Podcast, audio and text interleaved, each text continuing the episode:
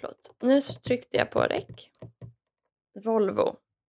Kan du få med ditt förlåt? Så att inspelningsapparaten kände igen att det var du.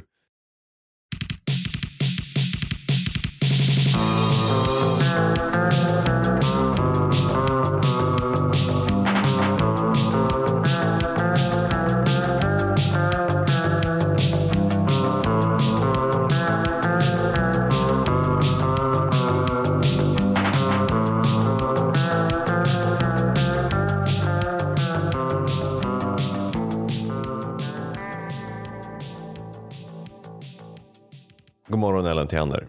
God morgon Kim Eklöf.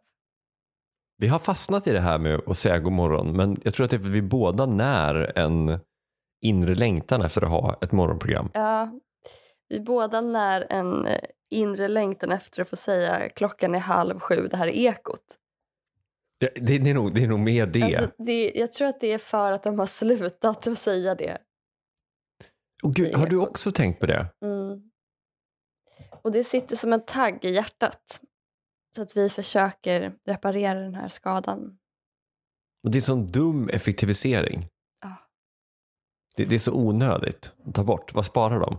Men är det av samma skäl kanske som du och jag inte ska säga god morgon? Att eh, de vill ju att man ska kunna lyssna på det när som helst. Åh, det är säkert därför. Men alltså, jag tycker inte, ja men det får man typ inte. Alltså, så känner jag. Eller så kan man, eller så här, stå för det då. Alltså stå för att ni är ett, att ni liksom, vi kommer från den riktiga radion och därför är det ett klockslag i vår podd. Om du inte fattar det får du stänga av. Ja, äg det.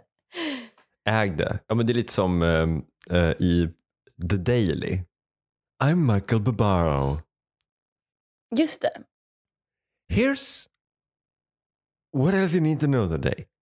Just Alltså, det. han, han säger alltid det på samma sätt. Och han har liksom pratat om att så här, det har, jag vet inte varför han säger, han har bara pratat om att så här, han gör så varje gång. Alltså det, det ska alltid låta, here's what did you need to. Alltså det, liksom, ja, men det är väl som fostret som ligger in i livmodern och hör liksom mammas lugna trygga stämma hela tiden.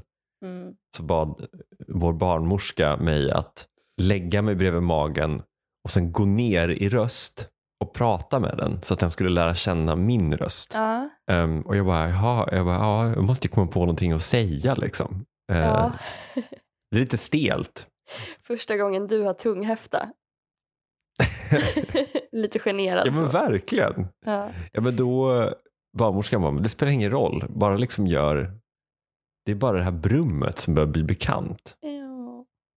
För om jag säger till dig, mhm, mhm, mhm, mhm, då, då vet du att jag sa klockan är åtta, det här är ekot. Det spelar ingen roll, men du är trygg. Ja. Så därför säger vi god morgon. ja, Ska vi ta punkter? vi ska absolut ta punkter. Det här är nämligen en podd som heter Tusen saker där vi går igenom en på förhand skriven lista med tusen punkter som ett litet möte. Härmed förklarar vi det öppnat. Punkt 562. Har för mig att det är en prata eller bisats i En varg söker sin podd. Men det här med att alla vänsterpersoner är individualister och alla högerpersoner är kollektivister. Förlåt, jag måste verkligen sluta prata om höger och vänster. Kommer tydligen aldrig ur puberteten Jag- och påtalar hur otroligt vänster jag är i all oändlighet. ja, det är verkligen... Men sluta aldrig Ellen. Sluta aldrig vara materialisten längst bak i rummet. Sluta aldrig vara... Om jag får ett barn och ska prata med det i magen då kommer det vara en jävla... "Åh, Jag är jättevänster. De som säger att tjejer inte kan se skillnad mellan höger och vänster. De har inte träffat mig. Hur ska jag skilja på höger och vänster hand mamma? Jo, med höger hand tar man och med vänster hand ger man.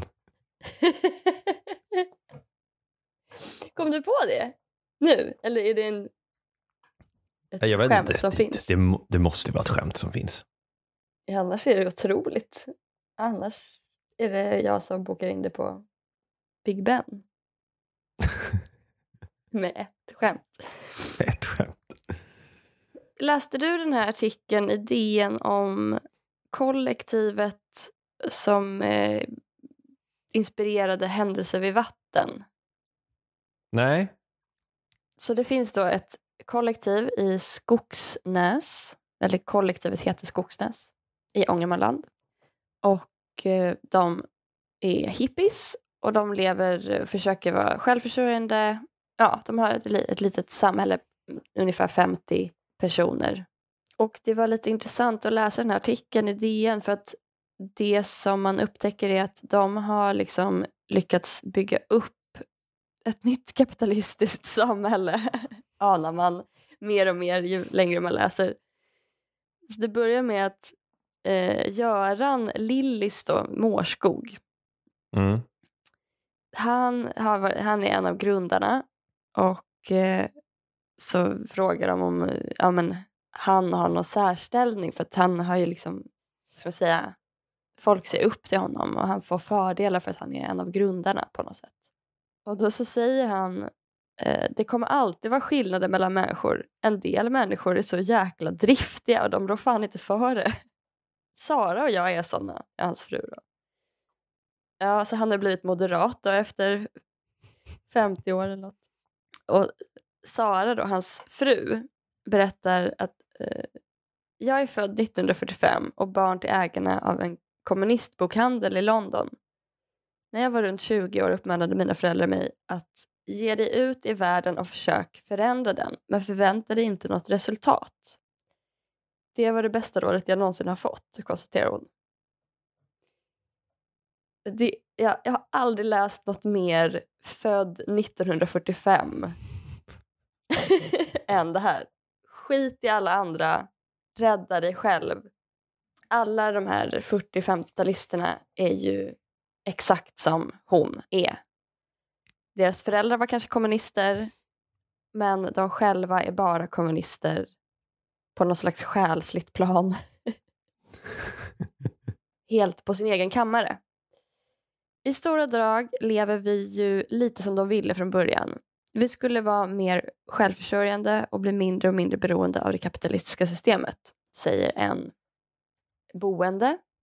Jag har sett ett annat par här, Petra Näslund och Lasse Svedberg.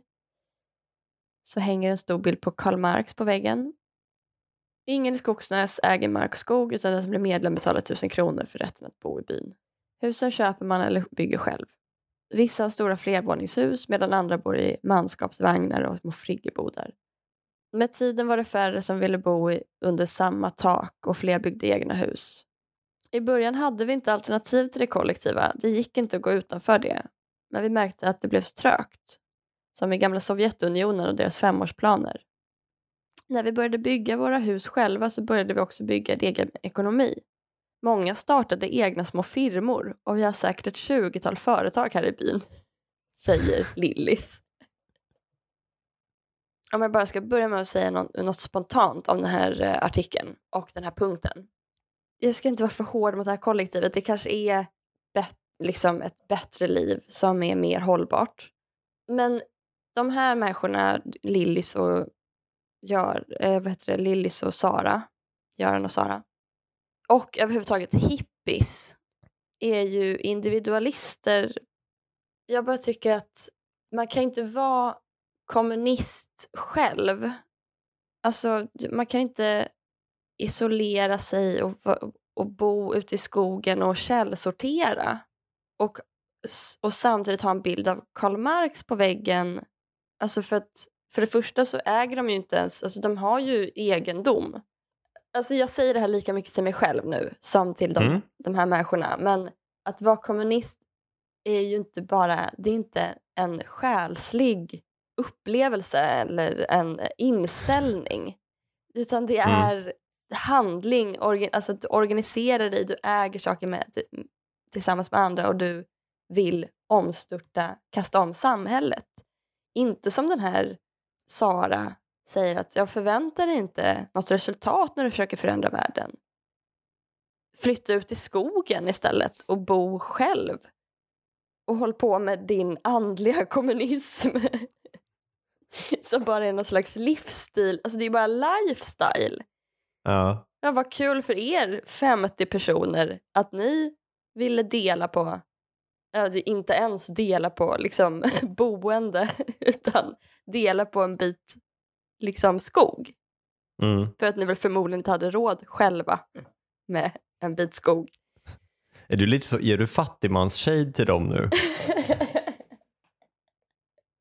ja, men så fort de börjar kunna äga saker själva, sina hus, då gör de ju det.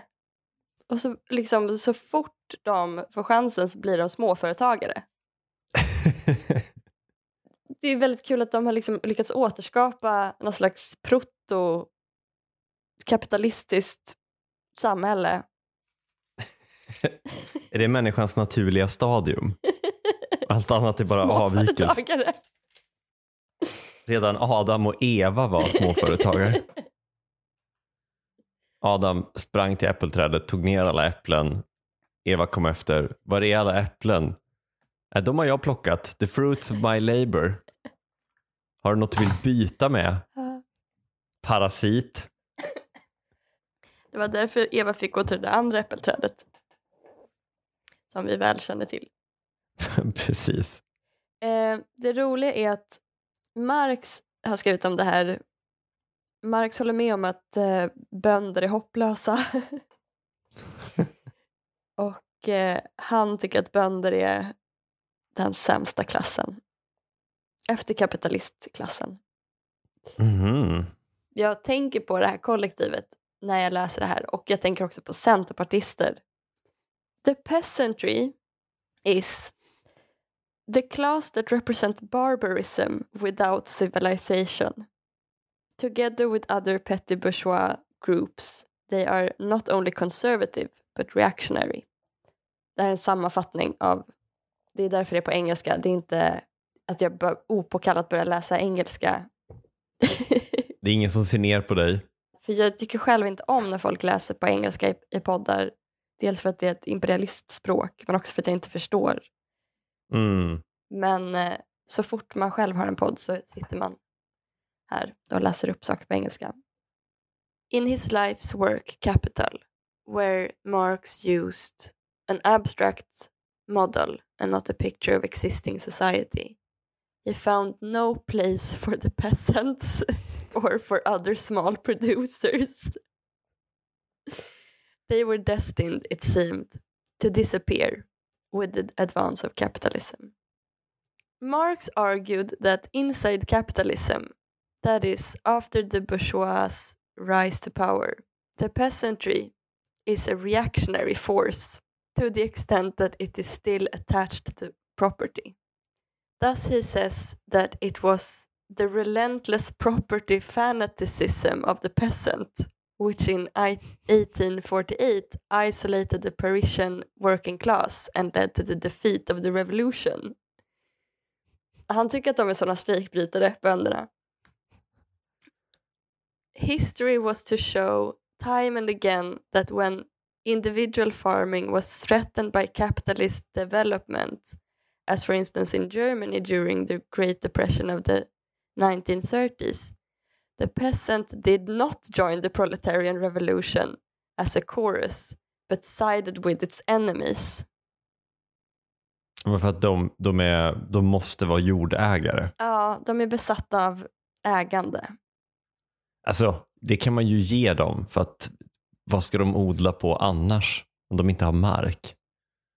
Alltså det finns ju, det fa- fanns, eh, finns en arbetarklass även inom jordbruk.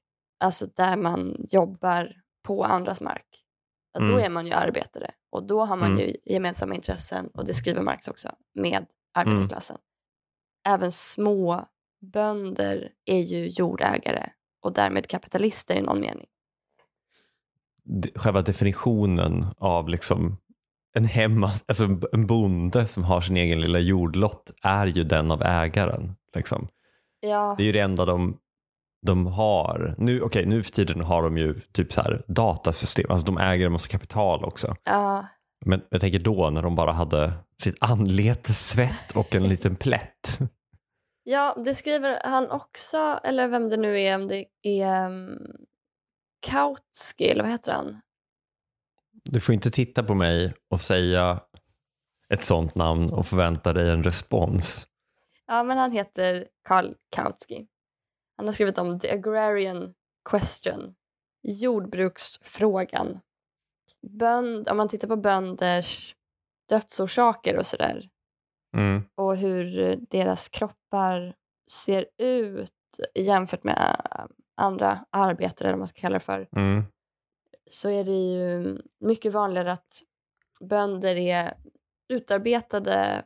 De har, de har mycket närmare till någon slags självspäkning, självsvält under eh, alltså överarbete, överansträngning och undernäring.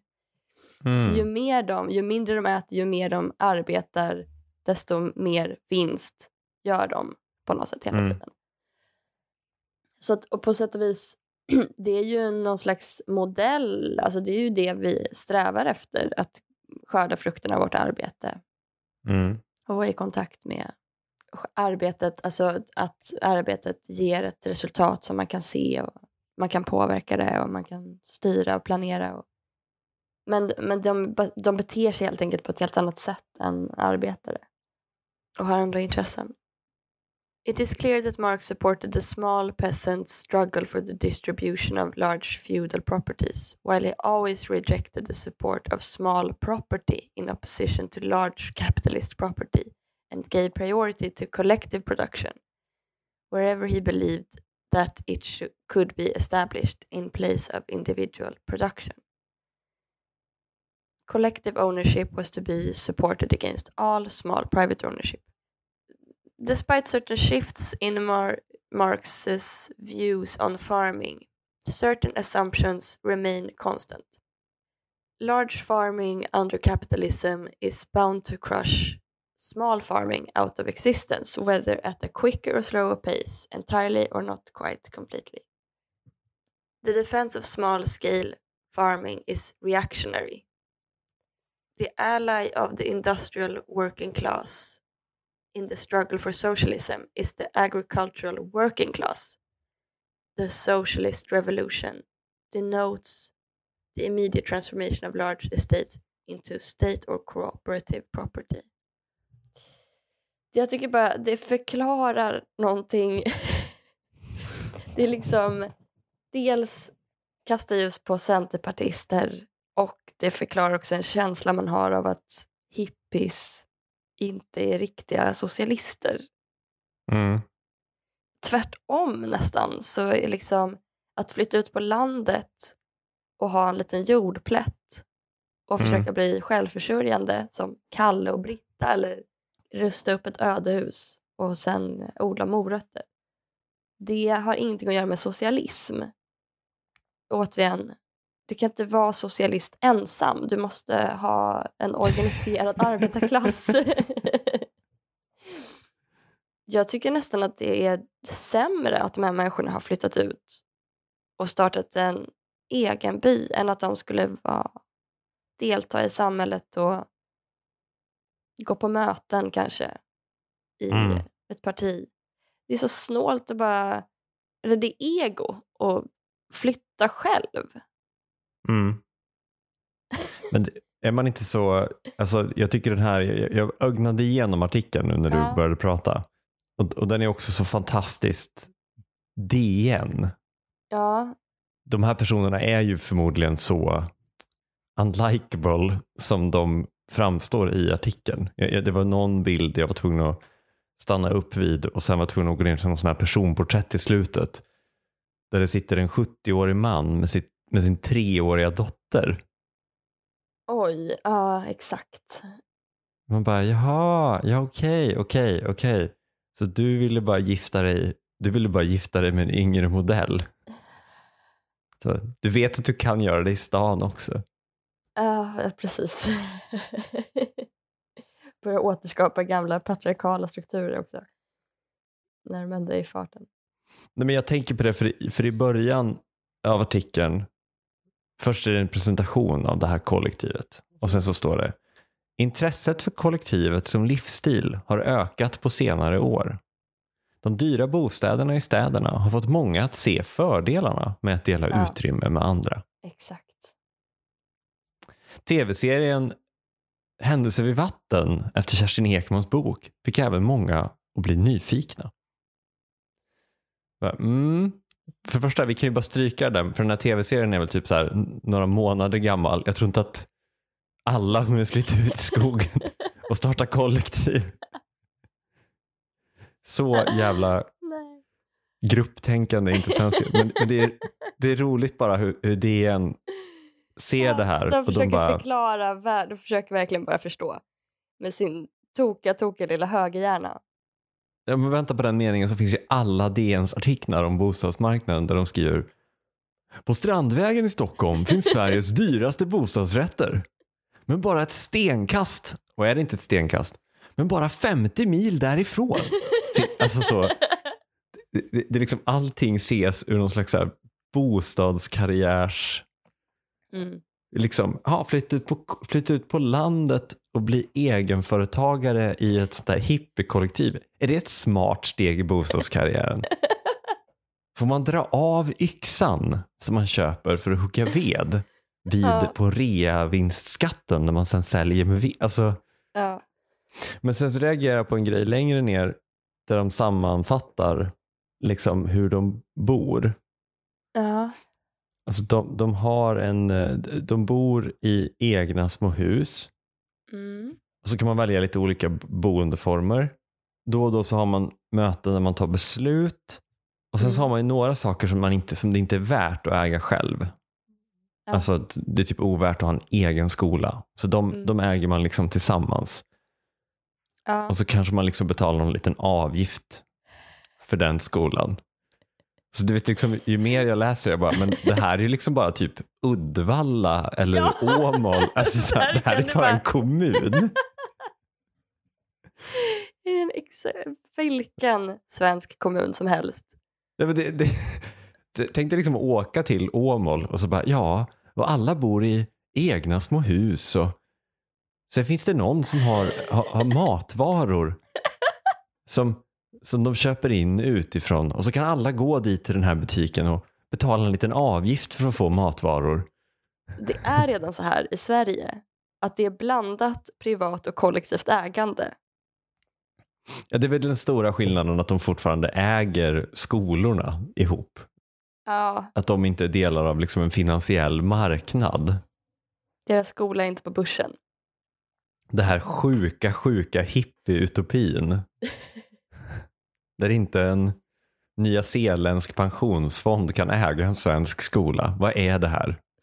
Är det Sovjet? Punkt 926. Om Sverige blev ett postapokalyptiskt samhälle med typ klaner så skulle Systembolaget lätt resa sig som en sådan. De har disciplinen, handelsvarorna, lokalerna och uniformer.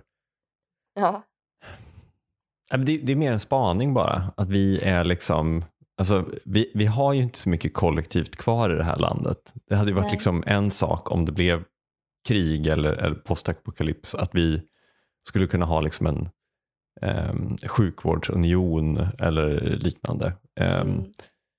Det är roligt att vi insisterar på att äga spriten gemensamt. Det är, så, det är väldigt oalkat beteende. Nej, men är det inte Att ett extremt generös. alkat beteende att allting i det här landet går att köpa och sälja? Men för guds skull, släpp inte spriten fri. Ja, i och för sig. Men det, känns, det är också så här lite alkis på en parkbänk att man delar med sig kanske av. Att man skickar jo. runt liksom en burk eller två. Men är det inte också bara för att alltså så här, Systembolaget funkar så otroligt bra. Alltså det, det, det Mm. är det är liksom, ja det har varit, det har varit skandaler kring det.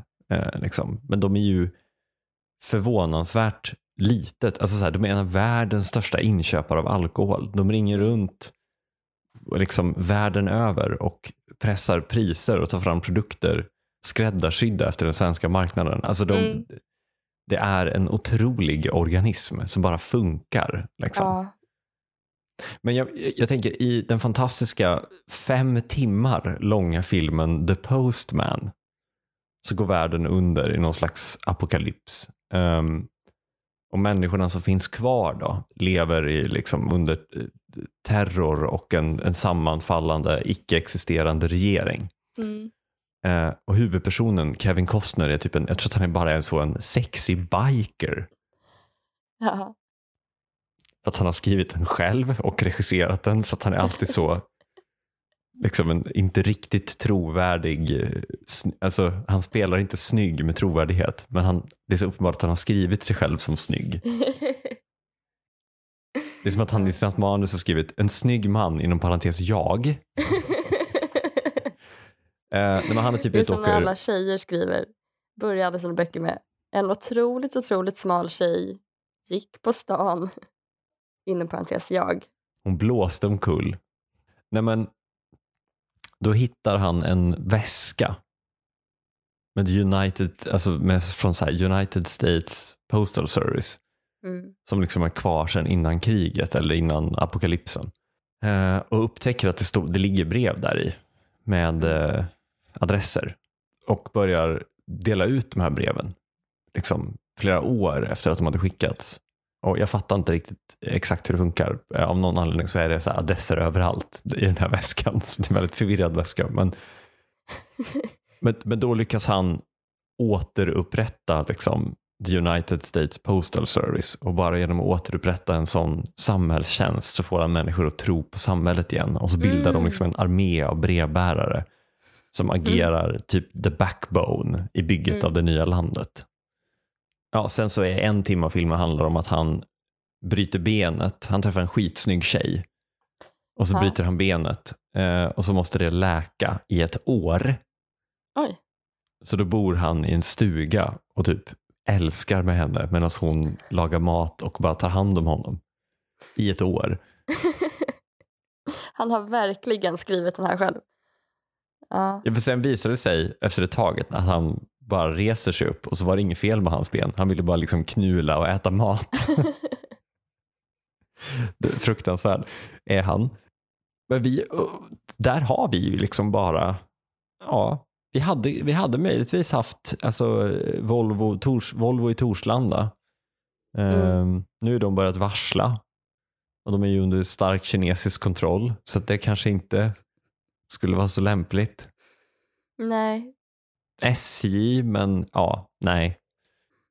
Men så här, Region Stockholm skulle liksom, de- skulle bara begå, alltså de skulle bara bilda en massa småklaner med olika förvaltningar inom sig som utövar krypskytte mot varann. Mm. Så inget fungerar. För Mm. eller emot Sankt Göran skulle det bara vara en enda lång bråk. Mm. Börjar köpa, göra jättedåliga affärer. Så att, eh, ja men precis, de ska bara försöka köpa sig till makt. Kan vi köpa Mm. Hälsingland? Och, så då tror jag Systembolaget är liksom den svenska Kevin Costner hittar en sån beställt till ombudlåda och bestämmer sig för att börja- börja dela ut Nobelviner.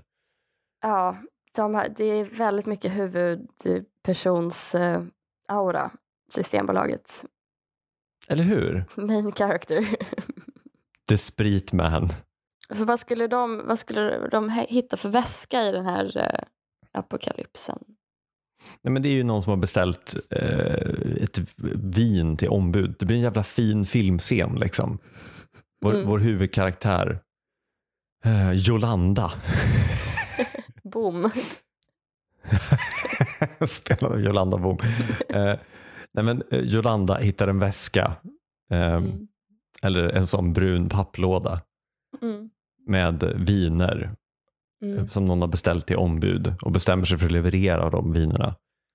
Då Mm. levererar de hem till ett klokt, vist äldre par Mm. som bjuder på middag och blir jätteglada för att det här vinet de beställde för fem år sedan för att fira sin bröllopsdag. Just eh, det. Kanske har mannen i hushållet dött, men kvinnan hon är gammal elitsoldat. Och ser det här vinet så påminner de hon om varför de levde ihop. Och tillsammans så återupprättar Jolanda och Stina Ja. det svenska systembolaget. Ja. Stina Oskarsson. och Jolanda Bom. Ja. Stärkta av eh, liksom den här petnatten eller vad det är de har druckit. ja, men de hittar så Systembolagets förråd med arbetskläder gjorda i en perfekt bomull polyeesterblandning för att stå emot allt från vinspillan till blodspillan. Ja, Och så återrätt, återupprättar de Svearik. En Tuborg i taget. ja det kommer lite blodstänk men det, det är inget som inte liksom går bort i 40 graders tvätt. Nej, men jag, det, det är liksom de, jag har försökt fundera på det här, det är de jag har. Sen är det ju möjligtvis, möjligtvis avfallsarbetarna. Ja, Eh, men de är ju också ofta alltså, på typ något tyskt logistikföretag. Liksom. ja. Hur har vi det med Vattenfall?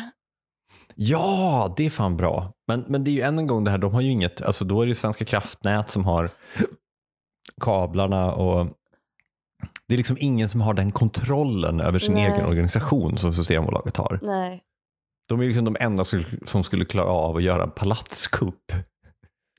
Alla Ja. andra har, har så många underleverantörer som bara, nej, jag tror inte ni kommer betala min faktura om jag begår kupp. Så jag kommer inte göra det. nej. Det är det mest välorganiserade vi har. Men de är liksom bättre organiserade än polisen. Ja.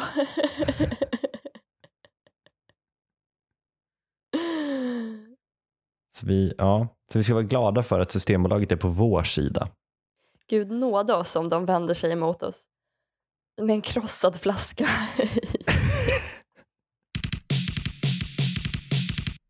Tack för den här veckan, Ellen Theander. Tack själv Kim Eklöf. Vi kommer ut på tisdagar klockan sex på morgonen. Lagom till morgonlöprundan. Hej då. Hej då!